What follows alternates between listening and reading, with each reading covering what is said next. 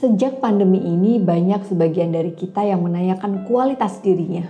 Ada yang kehilangan pekerjaan, ada yang mendadak harus gulung tikar usaha yang dijalankan, ada juga yang ngerasain imbasnya sampai kepada menjadi pengangguran. Kalau aku lihat berita nih teman-teman, dari berita yang aku dapetin, hampir 3,7 juta orang mengalami pengangguran tiba-tiba atau PHK akibat pandemi ini. Nggak cuma perusahaan kecil, BUMN, multinasional, sampai perusahaan swasta pun juga terkena imbasnya. Baik teman-teman semuanya, Assalamualaikum. Menganalisa channel kali ini ingin ngebahas tentang bagaimana sih perasaan teman-teman yang mungkin aku bisa membayangkan bukan hal yang mudah ya. Ketika kita kehilangan sesuatu atau mungkin ada sesuatu yang berubah dalam hidup kita, pasti membuat kualitas diri kita dipertanyakan oleh diri kita sendiri. Nah teman-teman Kadang pertanyaan yang sering muncul, bisa nggak ya aku melewati ini semuanya? Bisa nggak ya aku menghadapi kehilangan yang mungkin membuat aku jadi merasa was-was dan takut? Oke, pekerjaan atau usaha kita sama berharganya dengan harga diri kita.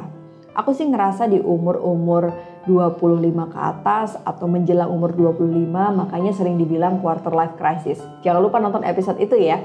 Nah di saat ini tuh sebenarnya nggak cuma usia 25 aja tapi 18 sampai 30 manusia dewasa memiliki tugas untuk mendapatkan satu pengakuan atau penerimaan dari lingkungannya. Dan biasanya pengakuan itu muncul akibat identitas yang dia dapatkan dalam pekerjaan. Misalnya nih, kalau teman-teman sekarang memilih menjadi freelancer aja, itu tetap loh diomongin, ih kok dia nggak kerja sih? Atau misalnya teman-teman wira swasta di mana sebenarnya usahanya sudah autopilot. Jangan-jangan ada orang yang bilang, eh dia usahanya lagi bangkrut ya karena nggak pernah ke kantor dan lain sebagainya. Jadi kayak omongan orang yang mungkin membuat kita juga merasa tidak nyaman itu dirasakan oleh semua orang yang sekarang jangankan yang yang dapat satu sumber penghasilan lalu hilang, yang dapat banyak sumber penghasilan saja juga pusing kok mikirin tentang keuangannya di tengah pandemi ini. Nah, apa sih yang mau aku bahas nih teman-teman? Biasanya muncul sebuah kecemasan Kecemasan ini ada yang dikatakan sebagai normal anxiety, ada yang dikatakan sebagai anxiety disorder. Apa sih bedanya? Kecemasan atau anxiety adalah sebuah reaksi pikiran dan tubuh terhadap situasi yang membuat kita stres atau di bawah tekanan, berbahaya, asing, dan juga mengancam. Kecemasan ini berupa perasaan yang tidak nyaman, tertekan, dan takut. Tapi itulah cara otak manusia memperingatkan potensi bahaya yang ada di depannya. Kalau menurut DSM-5, gangguan kecemasan ini termasuk dalam F4 F41.1. Aduh, ini kitab uh, eh, DSM-5 itu tebel banget ya teman-teman. Tapi di situ adalah pedoman diagnosis gangguan uh, mental dan kejiwaan yang biasanya menjadi guidance untuk para psikiater maupun psikolog.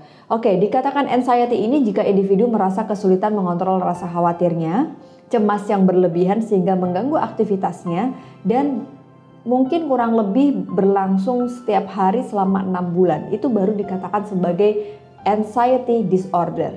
Kalau karena kehilangan tadi teman-teman merasakan ini sudah hampir enam bulan dan teman-teman merasa tidak produktif, emosinya mulai dari gejala fisik dulu ya, fisiknya merasa kejang otot, merasa stres karena sampai pusing, mual, ada keluhan-keluhan fisik, itu yang pertama cirinya. Ciri kedua adalah reaksi emosi jadi gampang marah, gampang nangis, gampang um, sedih dan kadang-kadang emosi ini membuat teman-teman tidak bisa terkontrol lagi. Jadi kayak lagi di keramaian tapi nangis gitu kan. Nah, perubahan ketiga adalah perubahan perilaku selain pikiran dan emosi.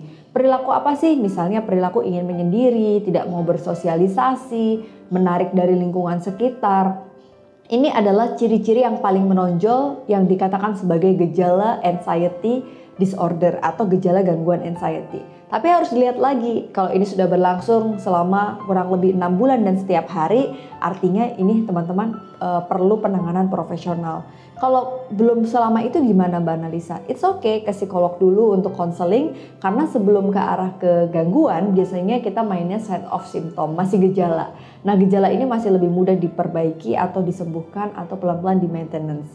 Nah kenapa sih teman-teman aku ngebahas tentang anxiety di tengah hari ini yang banyak dialami oleh semua orang yang kehilangan akibat pandemi ini. Mungkin ada juga yang kehilangan anggota keluarga karena uh, menjadi COVID survivors, ada yang kehilangan pekerjaan seperti tadi aku sebutkan di awal, atau kehilangan hobi yang selama ini mungkin dilakukan tapi karena protokol kesehatan jadi nggak bisa. Contoh misalnya traveling nih. Orang-orang yang punya hobi tertentu dan kehilangan hobinya itu tuh juga sesuatu yang membuat dia bisa menjadi merasakan cemas tadi. Oke, kenapa sih kita bisa cemas teman-teman? Seperti yang aku sampaikan di awal bahwa uh, kecemasan ini muncul kalau kita mengalami potensi bahaya menanyakan kualitas diri sehingga kita merasa ada bahaya yang muncul di depan kita. Mungkin kita merasa terancam kalau diomongin orang, ih dia itu nggak punya kerjaan ya, ih dia tuh nganggur ya, makanya jadi PNS aja daripada jadi pengusaha. Udah, uh, abis di PHK ya jadi karyawan uh, swasta ya, udah usaha aja selalu nggak pernah ada yang benar kalau kita lagi diomongin orang teman-teman. Namanya juga orang ngomongin, ada aja yang dicari kesalahannya. Nah itu mungkin yang kadang membuat kita jadi cemas. Kenapa sih bisa cemas? Dan apakah cemas ini wajar kalau kita lagi mendapatkan satu statement yang negatif atau diomongin orang lain? Apakah dia menjadi disorder? Apa bedanya normal anxiety dan anxiety disorder?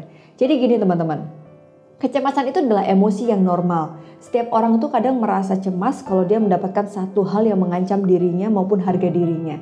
Dan biasanya uh, munculnya kecemasan ini tuh akan terjadi pada situasional yang normal tadi. Contoh misalnya teman-teman lagi di tempat kerja, terus kemudian tiba-tiba teman-teman uh, dapat peringatan surat dari atasan bahwa minggu depan akan ada tes untuk uh, melihat potensi siapa yang bertahan, siapa yang harus diberhentikan kita cemas dong, pasti. Karena kita takut kalau kita termasuk bagian yang harus dikeluarkan.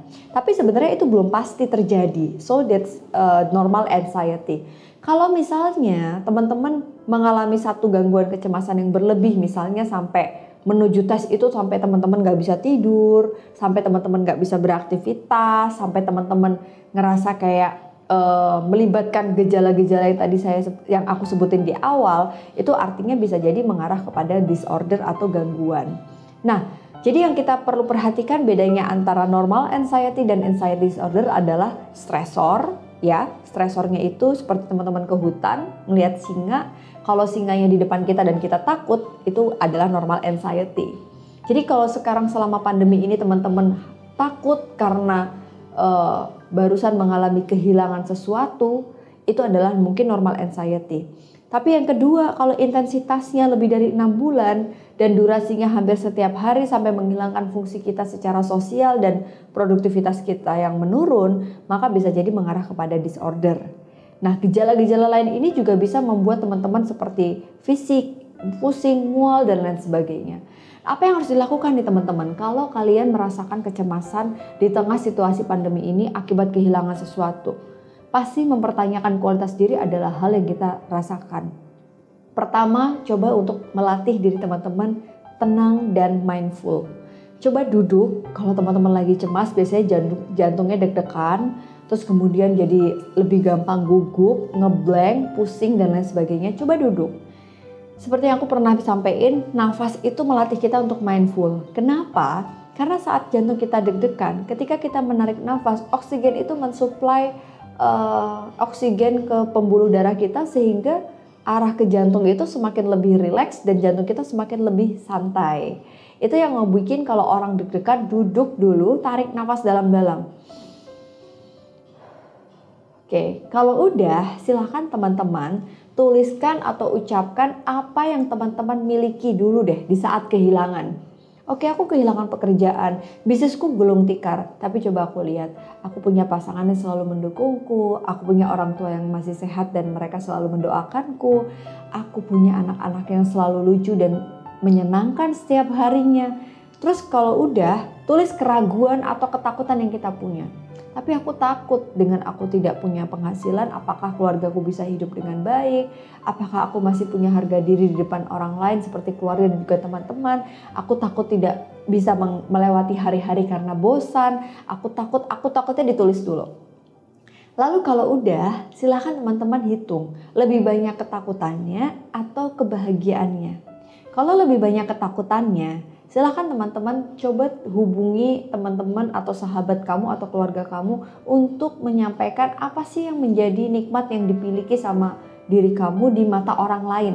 Contoh misalnya aku melihat kamu itu sebenarnya kamu tuh beruntung banget loh meskipun uh, sekarang lagi dapat kehilangan seperti ini tapi kamu punya suami yang selalu ada. Aku coba lihat kamu punya anak yang lucu-lucu, kamu punya keluarga yang masih sehat, orang tua dan sebagainya. Nah, dukungan dari support sosial kita yang meningkatkan uh, apa sih kebahagiaan yang kita punya itu bisa meningkatkan self esteem kita atau harga diri kita saat kita kehilangan.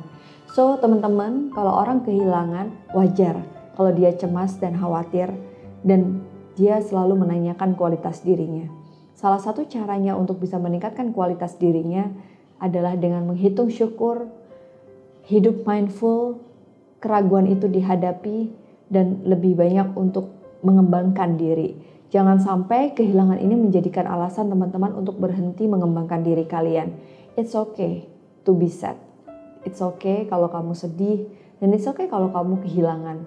Tapi ada satu hal yang kamu harus ingat, kehilangan itu bukan kamu. Kamu tuh bukan kehilangan itu tapi kamu adalah diri kamu yang utuh yang berhak untuk memberikan the best version of yourself. Thank you udah nonton Analisa Channel. Semoga teman-teman yang kehilangan di tengah situasi pandemi ini bisa mendapatkan kembali kebahagiaan dia, harga diri dia, dan apa pun yang hilang di tengah situasi ini. Sampai jumpa di episode berikutnya. Assalamualaikum.